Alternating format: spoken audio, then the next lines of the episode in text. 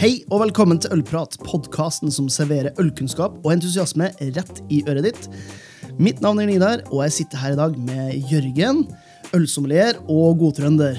Hyggelig å eh, prates igjen. Hyggelig. Det er lenge siden sist. Ja, det er det. Eh, Det er faktisk så lenge siden at eh, vi har nå gått inn i en fantastisk travel tid. Og velsmakende tid, for vi, vi nærmer oss jul med stormskritt nå, Jørgen. Ja, vi gjør det. Vi Ja. må innrømme det. Tross alt i salgsbransjen, så vi må innrømme at jula har det. Den, den har det. Har det.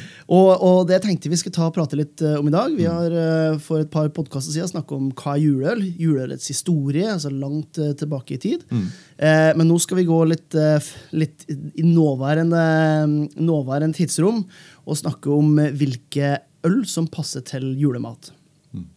Og eh, La oss definere julemat eh, først. og fremst. Hva, hva tenker du når jeg sier julemat? Julematen har et sånn tradisjonelt snev over seg. Altså det, er, det er alltid et eller annet som har med de råvarene vi har produsert tradisjonelt her i landet. Mm. Det har ofte med de varene som er satt av til en spesiell anledning. Det er feite ting, det er vellagra ting, det er salta ting. Mm, røkte ting? Røkte ting. Det er et eller annet som har et, eh, har et preg av tradisjonelle enten konserveringsmetoder å gjøre, eller ferskhet. Ja. Og ferskhet, Da snakker vi kanskje om grisen, vi snakker om dem som har brukt fersk fisk, vi snakker kanskje om dem som har brukt eh, lam. Mm. Den typen ting. Eller lam, det, jo, det blir jo sauekjøtt. ja. Men så er det også eh, altså det, det, konserveringskjøkkenet, det, norske konserveringskjøkkenet, som er også veldig viktig i jula. egentlig. Ja. Ja, jeg, jeg tenker akkurat det samme, samme som det. Mm. I, I tillegg til selvfølgelig historisk sett. Sukker var en litt mer mangelvare før enn det nå. Men eh, sånn var det ikke på juletida, så jeg tenker jo sirupsnipper og Du vil gå inn i, eh, og, i søtsakene? Ja, og, og der òg, ikke sant? Som en sånn her eh, tillegg til altså, rett og slett et, et kakebord i de sju sortene til jul. Ja. Eh, som òg en del av det. Rett og slett en, en festtid når det kommer til, til mat, tenker Ja, jeg. det er det. Og Det forteller oss egentlig ganske mye om hva norsk fest var. også. Ja. Jeg synes alltid det er interessant å prøve å forstå hva, hva, egentlig, hva festlighet var forbundet med. Mm. Eh, for å tenke tilbake. Og det er et eller annet med Jeg tror du har rett. Jeg tror vi må inkorporere småkakene Ja, i, julematen. Ja takk, sier jeg bare. Um, så jeg tenker vi bare hopper, hopper rett i det, og vi starter jo med the big one first. eh, og det er jo ribbe. Eh, over halvparten av Norges befolkning spiser ribbe på julaften. Um, og i mine øyne, som kokk, kanskje en av de mest kjedelige råvarene man kan jobbe med. Men det er et eller annet med det her feite, litt sånn sprø svor, eh, alt tilbehøret rundt, og, og i litt sånn senere tid, altså de siste ti årene, tør jeg påstå, så har man også blitt mer villig til å eksperimentere med ikke bare en helt ren ribbe, men å, å kanskje utfordre litt med krydder eller marinering og den typen ting. Ja. Jeg er vokst opp veldig, veldig, veldig tradisjonell ribbe, Mm. egentlig. Eh, familien kommer fra Innlandet i Trøndelag. Og da er det, det er ribba, og det er ribbe bare én gang i året. Ja. Og det er julaften. Og det er jo en seremoni å produsere den ribba, selvfølgelig. Eh, Selv om det er da en veldig tradisjonell måte å servere ribbe på. Mm. Um, så, så ribbe er jo egentlig sånn Jeg tror festen i det ligger nettopp i den, eh, altså det at det er fett, og så er det den sødmen som oppstår med tilbehøret. Det er det at det er mange elementer. Ja. Altså, Også et stort stykke med kjøtt. Du skal ikke undervurdere den visuelle gleden Nei. med stor ribbe. altså. det er det. Og det er et eller annet med Jeg tror også det at det ikke, at det ikke brukes så ofte, Nei. skaper også den anledningen. da. mm. Så det handler ikke om eksklusivitet per se. Den, og det, det, Jeg kommer fra Trøndelag. Sodd er festmat. Ja. Det handler kanskje ikke om eksklusivitet i utgangspunktet, sjøl om soddboller er veldig eksklusivt. Så, så er det et eller annet også med Det tar lang tid å tilberede. Mm. Gjerne forberedelse i, i hvert fall én dag. Mm. Og at det er mange elementer på bordet samtidig. Ja. Ja, for det er det litt når du serverer noe. Hvis vi snakker en tradisjonell eh, ribbe, så har du ribba, godt salta, godt pepra, sprø svor på toppen, eh, kanskje en liten akevitt i glasset på sida av. Eh, og så kommer jo tilbehørene. Alt ifra potet, surkål, rødkål, eh, det er skysaus og hele tatt. Og, så det er mye forskjellig. Det er mye fett. Eh, jeg tenker sånn umiddelbart siden det er så mye forskjellige smaker, surt, søtt, salt osv. Eh, en, eh, en ølstil som ikke eh, er der for å, å komplementere, for det blir veldig vanskelig, men heller være der som en sånn her forfriskende eh, tilbehør, rett og slett. Eh, så jeg heller litt mot uh, Saisoo når det kommer til eh, til den typen ting. Og Det er rett og slett fordi at det er veldig anvendelig. Det har ofte høy friskhet, så det skjærer godt gjennom uh, alt fettet. Eh, og så gjerne litt sånn krydderton, da, som man kan finne igjen i, ja, f.eks. I, i karven, som man kan bruke i, i surkål osv. Eh, men hva, hva, hva tenker du, eh, Jørgen? Jeg føler jeg må innføre hvert fall et par elementer til. Ja. For nå var jo ribba alene i, i ensom majestet der. Mm. Vi har alltid også kjøttkaker. Ja. Altså Enten medisterkaker eller elgkjøttkake, kommer an på Mm. hvor elghøsten har vært. Ja. Eh, og, og pølser. Kjøttpølser. Ja. Så det er også en del av den miksen der. Så det er, ikke- det er ikke bare ribba det handler om, men det er jo en fellesnevner der. Det er et eller annet. Får du kjøttkake, så får du også litt mer litt brunere smaker. ja, ja. Eh, og pølser, Litt sånn mer Maillard-toner. Litt mer karamellisering, og sånn som det, så jeg heller nok litt mer, og har fått, uh, mer juleøl, altså tradisjonelt juleøl. da. Ja. Norsk undergjæra Norsk undergjæra juleøl, Ja. gjerne, gjerne Dals, Ja. for, å, for, for å si det rett. Ja. um, men det, det Er handler også om trønder, så er man en trønder. Eh, Men det, kommer, altså det handler litt om den maltbasen. Mm. Det å etablere en sånn solid maltbase som har felle, som kobler seg mot sausen, som kobler seg mot, både mot ribba, kjøttkakene og de tingene der. Mm. Eh, Så det er liksom sentrum, og så kan den være krydra eller ikke så krydra. Ja. Det kan være, det kan være gjærpreg eller ikke, ikke gjærpreg. Vi har jo eksperimentert, og det har også vært hjemmebrygg. da. Mm. Men jeg syns det er interessant at du sier Saisoo, faktisk. Ja. For Saisoo er jo egentlig, er jo egentlig det er jo ikke gårdsøl. Ja. Så den gårdsølvtanken er jo egentlig ganske sentralt der. Og det, Mm. det begynner vi å se nå. Det produseres jo ganske mye norsk gårdsøl. ja, det gjør det. Eh, Så der er det kanskje et eller annet hanke å få tak i. Mm. Nettopp pga. Uh, god karbonering, som virker bra mot fettet. Eh, ja. Om du skulle tenke at det er gårdsøl med norsk gjær, eller om Ja. det Det er et sånt spørsmål som åpner seg her. Ikke sant? Ja. Så jeg tror det er noe i det du sier der. altså at Gårdsølet har, har alltid det, det er en sånn matkultur. Det er jo noe som har utvikla seg sammen. Ja. Så du kan jo si at kanskje laget de ølet med den høyeste gastronomiske presisjonen før i tida. Det blei som det blei. Ja. Men det var jo de som laga godt øl. Ja. Om godt øl betydde høy alkohol, eller om det betydde at det smakte godt, det vet vi ikke. Men det er et eller annet med akkurat den biten der at det har utvikla seg i lag, og da har de jo utveksla smaker, utvekslet, de har passa i lag. Det er et godt poeng. Ja. Og det er et eller annet sentralt med at eh, det har også utvikla seg samtidig med akevittkulturen. Mm. Sakte, men sikkert, i hvert fall. Eh, Så det er noen sånne samspill der. og Hvis du velger et øl da, som er for, er er for eksempel et veldig krydra øl, så fjerner du behovet for akevitten, kanskje. Ja. Så det er et eller annet med at den har et tredje element på bordet, som også gjør at OK, gårdsøl, men jeg veit ikke om det heftigste krydderølet er det som gjør seg. Nei. Så så syns jeg er en ganske god pitch på det. Ja. Det er i hvert fall, jeg, jeg tenker det, De to er to veldig gode To veldig gode øl å kunne sette på bordet av to vidt forskjellige ting. Ja. Eh, Jeg ser for meg altså en, en norsk tradisjonell uh, juleøl Ja. eh, vil passe mye bedre som kompliment sammen med, Ja. mens en saison er der for å friske opp eh, mer. Da. Mm. Så um, um, ja, vi kan gå videre til, eh, til nummer to på, på lista mi, pinnekjøtt. Mm. Eh, og der tenker jeg, der er vi på to forskjellige leirer. Det er røkt og urøkt. Ja, det er det. Eh, svart og hvit. Og det så er, det er, det, og det er veldig skarpt skille. Ja, det er et veldig skarpt skille, og det er jo eh, Nå må jeg innrømme at jeg er ikke den som er eh, den største ambassadøren av det ene eller andre. Nei. Men dra på Vestlandet, dra til Trøndelagen. altså det er Dra opp i dalene. Det er noen ekstremt klare eh, tanker på, på hva, man skal, hva man skal ha. Om det skal være røkt eller ikke røkt. Eh, så jeg tenker vi kan ta begge to. Vi begynner med, med pinnekjøtt. Urøkt. Hva er dine første tanker av øl som skal sammen med det? Altså, det, der er det Det krever en viss friskhet. Det er så mye salt i det her. Så hvert fall hvis du blander hvert fall, eh, For maltdrevet øl sliter jeg med til pinnekjøtt. rett og slett. Jeg vil gjerne ha litt lettere øl. ølstiller. Eh, pilsner har faktisk funka ganske bra. Ja. Det. Men det er også hvis du, begynner hvis du lener deg mer mot og skal være litt mer hva skal jeg si, litt mer radikal, da, så er det et eller annet lyst som kan være lagt på fat. Det kan bli veldig interessant. Ja.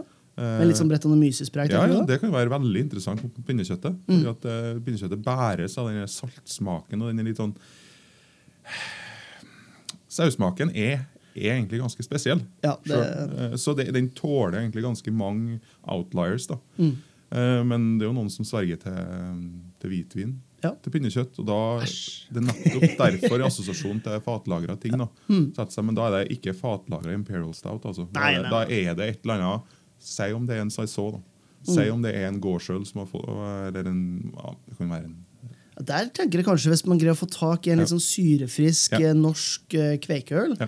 Da eh, har man gjort mye rett, eh, tenker jeg. Jeg tror det at og Den handler nettopp om den smakskombinasjonen av saltet og, og sauen. Mm. Og så kaster du oppi liksom uh, kålrot oppi det hele. Ja. Og så er det surkål, og så er det noen sånne komponenter som gjør at du kan tåle både villgjær, og du kan tåle litt syre, du kan tåle litt, litt funk, egentlig. Ja, ja. Pinnekjøtt er egentlig ganske funky. Ja, Selv om det, det sant, ser litt tamt ut, Sau er ganske funky. så er sauen ganske funky. Og da er det faktisk det, det er en plass det går an å eksperimentere. Eh, og det er, mye, det er mye mer åpning der for å jobbe med vin. Og da ser du altså, ok, her er det, her er det hybridland, egentlig. Ja. Så der er ikke jeg så forferdelig tradisjonell, faktisk. Nei. Men det er jo for at jeg er pinnekjøtthedning. Ja. Eh, jeg har jo egentlig ingenting jeg skal sagt på pinnekjøtt, for Nei. vi kommer, kommer fra en dyptpløyende ribbefamilie. Ja, ja. Og vi er egentlig, egentlig nesten ikke invitert til, Ja, til pinnekjøtt. Så det er jo egentlig bare sammen med svigerfamilien min jeg har spist pinnekjøtt. Som, som for så vidt har veldig sterke meninger.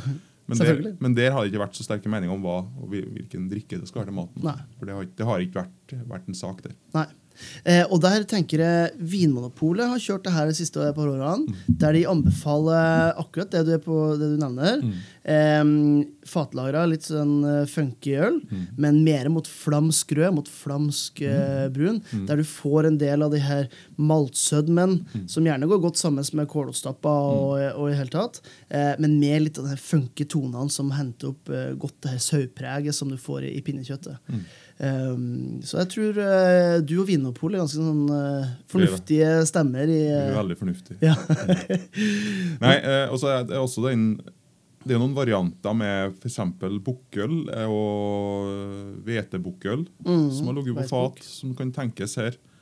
Eh, som jeg automatisk slår meg. Det er også øl som har ligget på akevittfat. mm, Altså, kanskje ikke de mørkeste juleølene, men litt, litt lyse juleøl som har vært på, um, på akevittfat, kan treffe ganske godt. Ja.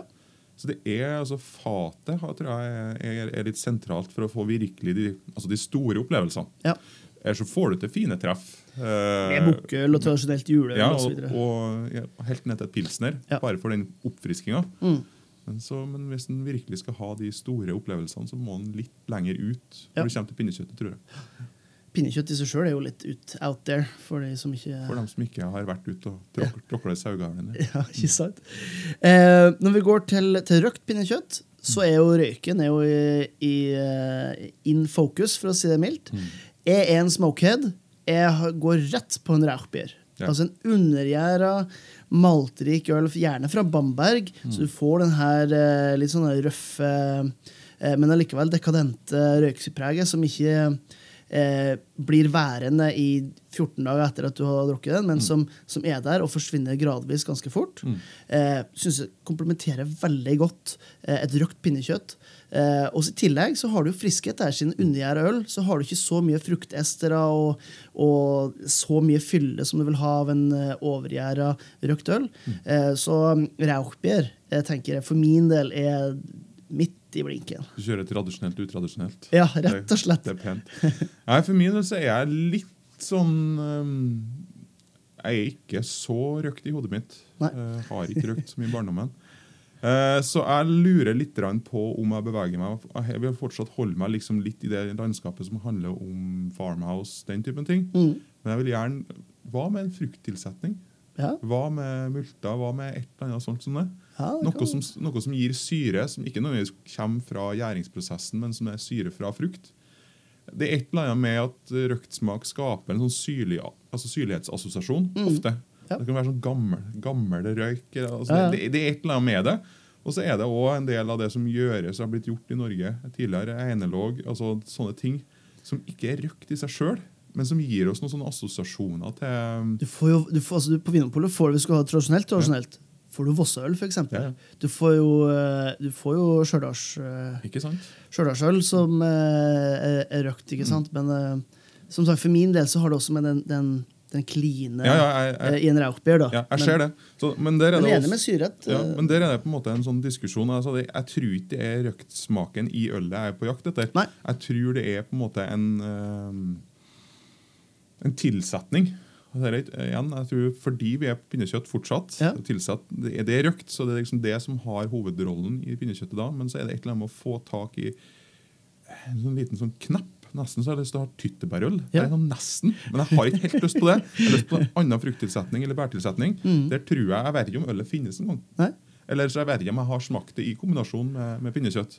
Men jeg, jeg kan huske altså, i forbindelse med, med jul hos svigerfamilien at jeg har liksom dratt hjem noe øl bare for å se hvordan blir da. Ja. For der, de har operert da med begge delene. Ja. Både røkt og urøkt. Oi, oi, oi, oi, Da har du, det er en veldig morsom smakesituasjon. Ja, For da får du testa forskjellige ting. da. Det er jo schizofreni på høyt nivå, det. Det er det, men det, det er hyggelig for en ølsommelier. det. Ja, det er Hyggelig schizofreni. Ja, Eh, det sånn det være. sorten. Ja, men det er bra. Men da har vi i hvert fall et par, et par alternativer til, til, til Mm. pinnekjøtt. i hvert fall. Og, og jeg må si sånn, hvis man skal ta en, en allround øl, som er nesten umulig når det kommer til hvilke som helst Mm. uh, råvarer, men skal gå på kjøtt, så ville jeg også slå, eh, et slag for eh, mer tradisjonelle belgiske juleøl Mm. og norske juleøl. Eh, to vidt forskjellige ting, så hvis du har mye fett, eksempel, vil nok en, en belgisk juleøl, eh, synes jeg i hvert fall, Mm. funke bedre. Høyere CO2, det er ofte litt mer punch i dem. Mens hvis det er litt uh, snillere, så en norsk tradisjonelt juleøl fantastisk uh, godt, uh, godt til. Jeg må understreke eh, tradisjonelt. Fordi at hvis man går på moderne bryggerier, så skal jeg faktisk slenge ut en liten eh, brannfakkel og si det at eh, eh, juleøl fra mikrobryggerier er sjelden veldig god til norsk julemat. Mm. Selvfølgelig, det finnes unntak. Jeg vil påstå at majoriteten av det norske juleøl som produseres av moderne bryggerier, altså mikrobryggerier, ikke er veldig egnet til, eh, til julemat. Så, men eh, sleng den brannfakkelen ut, og så springer fra den, så får vi se hva som, hva som skjer. For vi skal gå rett inn i lutefisk. Mm. Jeg er ikke noe stor uh, fan av lutefisk sjøl. Jeg spiser én porsjon i året. Um, og det holder i massevis uh, for meg. Uh, og jeg komplementerer gjerne det med en hvetøl. Um, gjerne en, en tyskinspirert en, så du ikke har noe sånn her forstyrrende element av ja, appelsinskall eller korianderfrø eller, eller lignende. Eh, få litt fin fruktighet og vaske veldig godt i, i, i munnen, avhengig av hvilken type tilbehør det er, om du har brunost eller bacon eller eh, Du vil gjerne ha, gjerne ha munnen din vaska. Ja, Mm. Det med tror jeg er et stikkord for forståelsen. ja. Nei, jeg tror men, ut, men uten å ødelegge smakene, da, Ja, selvfølgelig. jeg tror at du er inne på noe veldig viktig når det gjelder lutefisken, og det handler om tilbehør. Ja. Det er en sånn tilbehørting, og det er der egentlig en sikter seg inn. Jeg ville gått litt mørkere, spesielt med tanke på at jeg, når jeg har fått lutefisk, så har det vært godt med bacon, godt med brunost. uh, den typen ting. Mm. Uh, det er nesten det en spiser. Lutefisken, ja. du, har en sånn, du må spise fisken også, men det kanskje handler om de andre tingene. Og Da vil jeg gå med bukkøl. faktisk. Ja. Jeg vil si Bukkøl er veldig fint der. Altså, det er ikke noe problem å angripe den fisken. Nei. Den fisken har, det er noe, Konserveringsmetoden er såpass radikal. Det kan du godt si.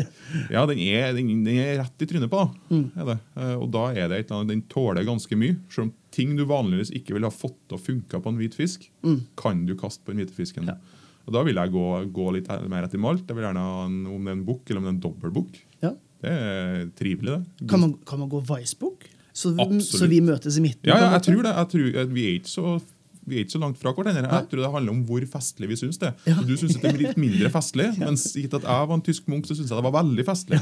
Og da måtte vi ha egentlig dratt fram en Celebrator eller noe sånt som det. Ja. Altså en, en av de virkelig gode ølene. Mm. For det er jo en, det er en festanledning. Lutefisken er også festmat. Ja, det er igjen, uten tvil. jeg syns jeg ser fellestrekk igjen. Det er mange små elementer, mange ting på bordet. Mm. Det er ikke ett stykke luta fisk som kommer. Nei. Og skal du spise, gutten min, da er det faktisk mange små ting. Og det er der egentlig den norske festen ligger. da. Ja. Det, i, I elementene. Vi er ikke riktig smørgåsbord, men det er et eller annet med at du tar frem alt det gode. Ja. Og så er det på en måte bugner litt av alt det gode. Ja, ja. Og så er det selvfølgelig en sånn dyp protestantisk Du skal ha like mye av alt og ikke for mye av det. og sånn som det i det her. Men jeg tror at eh, en, hvis en anerkjennes med en fest, så vil du også ha et litt festlig øl. Ja. Så jeg ville ha punsja på litt mer. Men la oss møtes på Weissbop. Ja, ikke sant? Eh, når vi nå har fortalt de her kilosvis med mat som vi, som vi har gjort eh, fram til nå, Mm. så kommer vi jo til desserten. Det er mange forskjellige, jeg skal ikke gå inn på, men det er alt fra, Jeg har, jeg har sett eh, alt fra lapper Mm. til karamellpudding. Men den definitivt mest konsumerte er riskrem. Mm. Eh, og det gjøres eh, forholdsvis tradisjonelt. Litt eh, vaniljesukker, kanskje litt mandelessens, og så en rødsaus på. Mm. Eh, og jeg tenker uh, umiddelbart at uh, riskrem i seg sjøl ikke er det mest sånn smaksintense. Nei. Så her har uh, sausen rett og slett veldig mye å si. Sausen har alt å si. Ja. Eh, så jeg tenker umiddelbart tenker en fruktøl. Mm. En lett søtlig fruktøl. Finner vi jo gjerne fra, fra Belgia, som er et gjennomgangstema egentlig på alle de Mm. Matpratingene vi har. Det er et eller annet der. Eh, Propaganda. Men, hva sier du? Propaganda. Ja, belgisk propaganda. Um, men uh, hvis man greier å havne inn på noe med, gjerne med ja, bringebær, eh, kirsebær, den typen ting, så, så tror jeg man har gjort mye for å hente inn alt sammen. Men det er også viktig at man ikke eh, går for eh, noen som har produsert en fantastisk god fruktøl, men med veldig høy syre. For da krasjer det ganske fort med, med sødmeinnholdet i desserten. Ja. Så Hva er dine tanker med hensyn til, eh, til riskrem og, og hva du skal putte i glasset? Desserten er veldig, den sånn type dessert er veldig sårbar i forhold til syreinnholdet. Nettopp fordi at den er, det er sødmen som bærer den. Det er ikke så, det er ikke så veldig kompliserte smaker, heller ikke så intense smaker. faktisk ikke. Nei. Det er liksom bærsmaken. Så jeg vil bevege meg inn i landet, altså krik frambøs. Ja. Men jeg vil være litt forsiktig.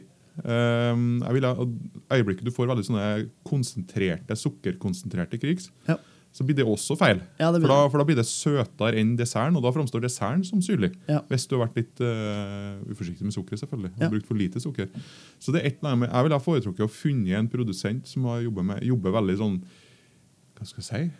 Prøve, prøve å lage en naturlig krik. Ja. En krik som ikke er på en måte et industriprodukt, men et ordentlig håndverkskrik. Som har mye av fruktpreget. uh, og som kanskje til og med er flaske, flaskekondisjonert. Eh, det, er liksom, det blir en liten Får skatt. litt sånn krema munnfølelse. Ja, ja, det er, det er en liten skattejakt der. Altså det handler om å få riktig karbonering, ikke for mye. Um, jeg har noen tanker om hva den kriken kanskje er. Ja. Det har jeg selvfølgelig, men det skal ikke jeg si høyt. Nei. Det Det er skattejakten også- skattejakten som er, dere må ut og gå på etterpå. Ja. Er kontakt med dem, så vi ikke har kart. Ja. Så, men det er et eller annet der Mm. um, som, er, som, som han ville ha gått an. Mm. Og det kanskje, hvis jeg skulle ha fabulert at vi også snakker om vin, Mm. så er det kanskje noen røde bobler. ja. Ikke sant? Jeg ville ha gått, gått på jakt etter røde bobler, om det har vært fra Piemonte eller om det har vært fra lenger sør. Mm. Eller om vi pokker har dratt til Australia og henta noen ordentlig, ordentlig søte røde bobler. Ja, ja. Sant? Men der er det et eller annet. ja. Mm. Og da skal jeg kaste, når du, når du er inne på sånne wildcards, og sånne andre ting her, så skal jeg slenge inn en wildcard her, og det er baltisk porter. Mm. Eh, og du kan si I utgangspunktet så tenker man at det er for mye sjokoladepreg i en, eh, en porter. Eh, men en baltisk porter har egentlig ganske mye fruktsødme i seg. Den er ikke, det er ikke mye fruktester, så den blir ikke værende lenge siden den er undergjæra. Men eh, det er noe med den sødmen som en baltisk porter ofte presenterer, som jeg tror vil passe veldig godt til. Og så vil det her sjokoladepreget gi en sånn ekstra dimensjon. Og det er noe med bær og sjokolade eh, som kanskje kan, en, kan løfte rett og slett riskremen eh, opp til et litt nytt eh, nivå. Ja. Det er rett og slett tilsatt tenker du. Mm. Bare at du Så- er litt forsiktig. Ja, Så eh, det er en wildcard. Ja. Eh, Ja, det- Jeg tror vi er ganske enige om at en, en fruktøl med altså type frambois eller krik eh, vil passe godt til. Mm. Men eh, skal man være vill og gæren, skal man finne australske bobler eller en baltisk porter. Av, Absolutt. av personlig preferanse. Personlig preferanse. Til sist kommer vi til det vanskeligste av alt. Vi har spist to kilo ribbe. Vi har dundra i oss eh, fire desiliter med riskrem. Og så skal vi sette oss uh, framfor juletreet eh, og spise litt eh, småkaker. Og det er sirupsnipper, det er pepperkaker, det er peppernøtter, det er alt mulig. Eh, vi gjorde en episode av Ølprat for litt siden som gikk på det her med pastry stout. Og jeg syns at det er en eh, det nærmeste man kan komme en perfekt match til, eh, til et kakebord på, på det viset der. Mm. rett og slett fordi at selvfølgelig det henter inn mange av de samme smakselementene, men du nyter en pastry stout på en helt lik måte som du vil i sånn uh, småkakebord. For du er ikke Jeg regner med de fleste som hører det her, er ikke eh, under 14. Så med andre ord, de kommer ikke til å spise seg mett på småkaker. De kommer til å gå og smake litt på den og litt på den og ta litt over en time eller to. Sammen med pastry stout. Du dundrer ikke den nedpå. Der tar du en liten smak og en liten smak. og Med hensyn til at det er såpass så, så rikt, så intenst, så alkoholsterkt. Så, så for min del, hvis man skal på småkakebordet, pastry stout det er det, det som jeg ville ha funnet i glasset mitt.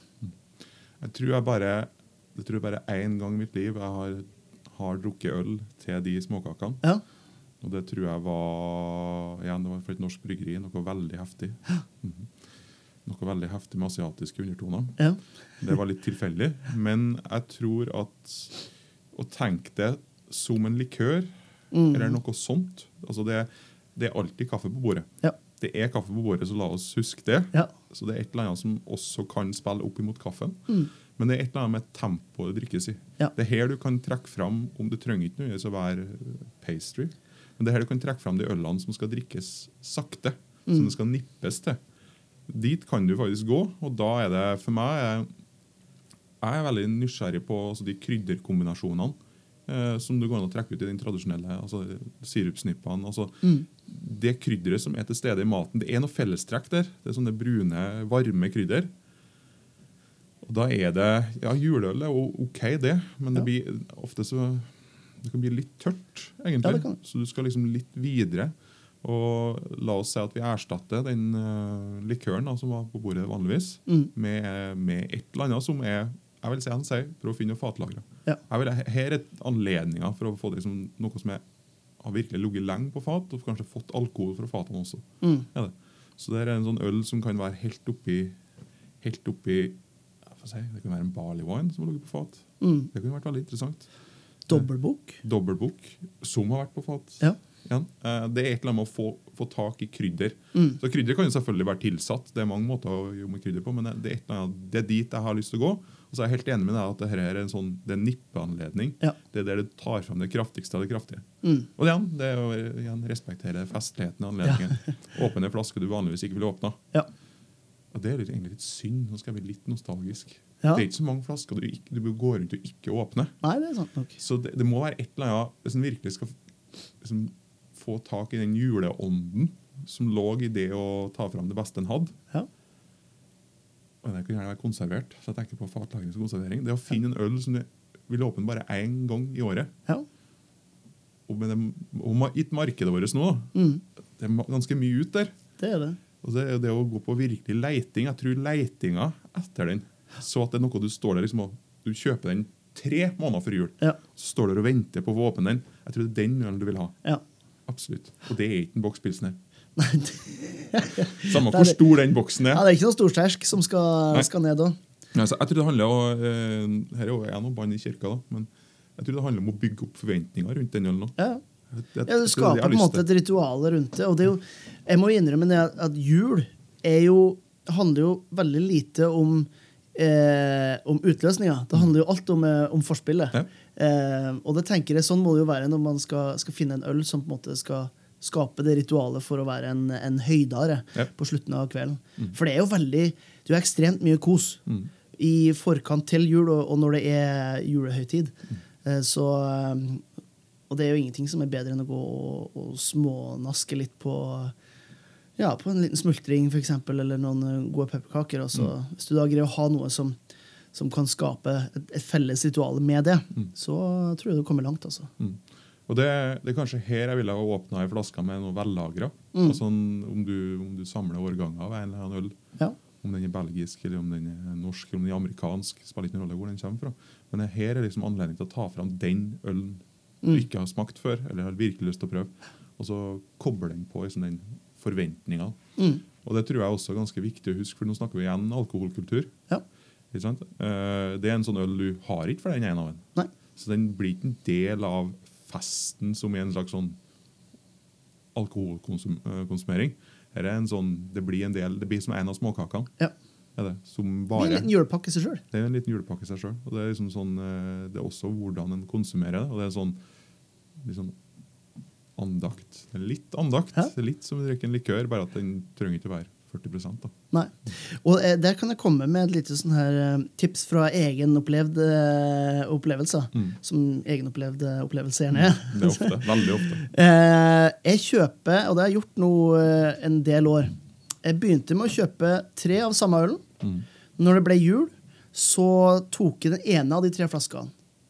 Og så ble det nytt år, så kjøpte jeg en ny flaske, så den fylte opp på Mm. Så når det ble jul igjen, så drakk jeg den samme ølen, men to år gammel. Og så drakk jeg den, og så fylte jeg på bakerst. Så når vi kommer til jula nå, så drikker jeg samme ølen som er tre år gammel. Så det er alltid tre av den samme ølen som står klar og venter på sin tur. Eh, og det er jo ikke sånn at jeg går og flytter på dem eh, en gang i uka, men liksom annenhver måned så er jeg rydda i boden, og så ser jeg de her to og tenker jeg, oi, ja, nå er det, ikke, er det lenge til jul nå? Så da får du det bygget opp en sånn opplevelse som eh, ja, rett og slett forspillet som teller. Og er jo egentlig griper jo også inn i en del av de diskusjonene av dette som en sånn festlig anledning. Jeg tror det, det handler ikke om konsumet, det handler, også, det handler om forventninger. Ja. Eh, og nettopp derfor så er det du ville tatt fram dobbeltboken, bare fordi at den har ikke noen andre anledninger. Nei. Eh, du vil trekke fram da noe som er helt spesielt til julekakene. Så det handler veldig mye om eh, når er du begynner å forberede deg. Mm. Her, nå har vi lupa også helt tilbake til altså, å starte juleforberedelsene tidlig. Det handler ikke bare om at det er en sånn kommersiell hurrafest. Det handler også om at en, en forventning som bygges sakte, får en, eh, får en helt annen mm, kulminasjon da, Mm. på julaften. Så Det er liksom to måter å gjøre det på. Det er å begynne for tidlig eller så begynne for seint. Ja. egentlig. Men hvis du ser sånn historisk sett, så begynte juleforberedelsen den begynte jo når, eh, når kornet ble høsta. Mm. Når eh, dyrene begynte å bli slakta på gårdene. Så la de jo unna. De begynte å konservere til jul. Mm. Altså jul, Julefeiringa Mm. var jo noe som man, som man tok altså, seriøst så det holdt. Mm. Eh, og du har ikke muligheten til å begynne å, å slakte sau i november. Nei. Da tok du ofte det beste kjøttet i, ja, i august-september. Mm. Så gjorde du et eller annet med det sånn at det holdt seg fram til jul. Og da, på en måte, så da hadde du egentlig holdt på med det forspillet hele tida. Du hadde bygd opp den forventninga. Og det kan man jo òg gjøre på, på drikkevaresida. tenker jeg. Mm. Det er ikke så stas å gå på Vinmonopolet den 21. desember. 21. 23. ja, 23. Ja, er Eller 24.. Ja. Og, og gå liksom samme dagen nesten som du skal konsumere det, som det er å forberede seg Mm. ved å, å tenke gjennom og, og gå på polet i august-september, Mm. og så gjøre ja, høst, høstslaktinga, skal du si. Høstslaktinga og, og, og gjøre seg klar til, til jul. Mm. Ja, Der tror jeg det er noe sentralt. Eh, den forventninga kan også knyttes til drikkevarene. faktisk da, Uten at det snakker om, det handler ikke om konsumet, det handler ikke om Mm. Nei, julefesten. Det handler om faktisk da en del av den forberedelseskulturen Mm. En ny, nyting av det. ja, som starter da tidligere. Mm. faktisk da. Nei, men du, eh, Jørgen, tusen takk for at du tok deg litt tid Mm. til å, å prate eh, juleøl og, ma og, og mat. Mm. Det er, mm, det er en fantastisk tid vi går inn i på i tallerken og i glass, mm. synes jeg i hvert fall. Ja. Og eh, jeg håper dere som hørte på, fikk et par gode, gode tips her. Eh, generelt sett så kan vi vel si at eh, det er en, en tid der man skal nyte, og ikke bælme. tenker jeg. Nyte, ikke bælme. Ja, og det gjelder både drikke og mat. Mm. For det ja, Du kan jo høre med diverse, diverse sykehus rundt om i, i landet når de har flest, eh, flest folk inne med, med diverse helseplager pga. overspising. Mm. Så, så ta heller og så strekk det ut over et par dager i stedet for å ta alt på en, en smell. Da går det gærent. Gode tips. Ja. Eh, også til dere som hører på. Eh, vi setter jo som alltid pris på å høre fra dere. Eh, send meg en e-post. Post fra bearenthusiast.no. Du finner oss på Facebook og Instagram og LinkedIn og barentusiast.no. Finner masse gode artikler, bl.a. om historien eh, til juleøl. Eh, ja, og så tips til noen da, som du vet er glad i øl, om at eh, ølprat finnes. For jo flere vi hører på, jo gladere vi blir. Så får dere huske til neste gang at gode folk fortjener godt øl.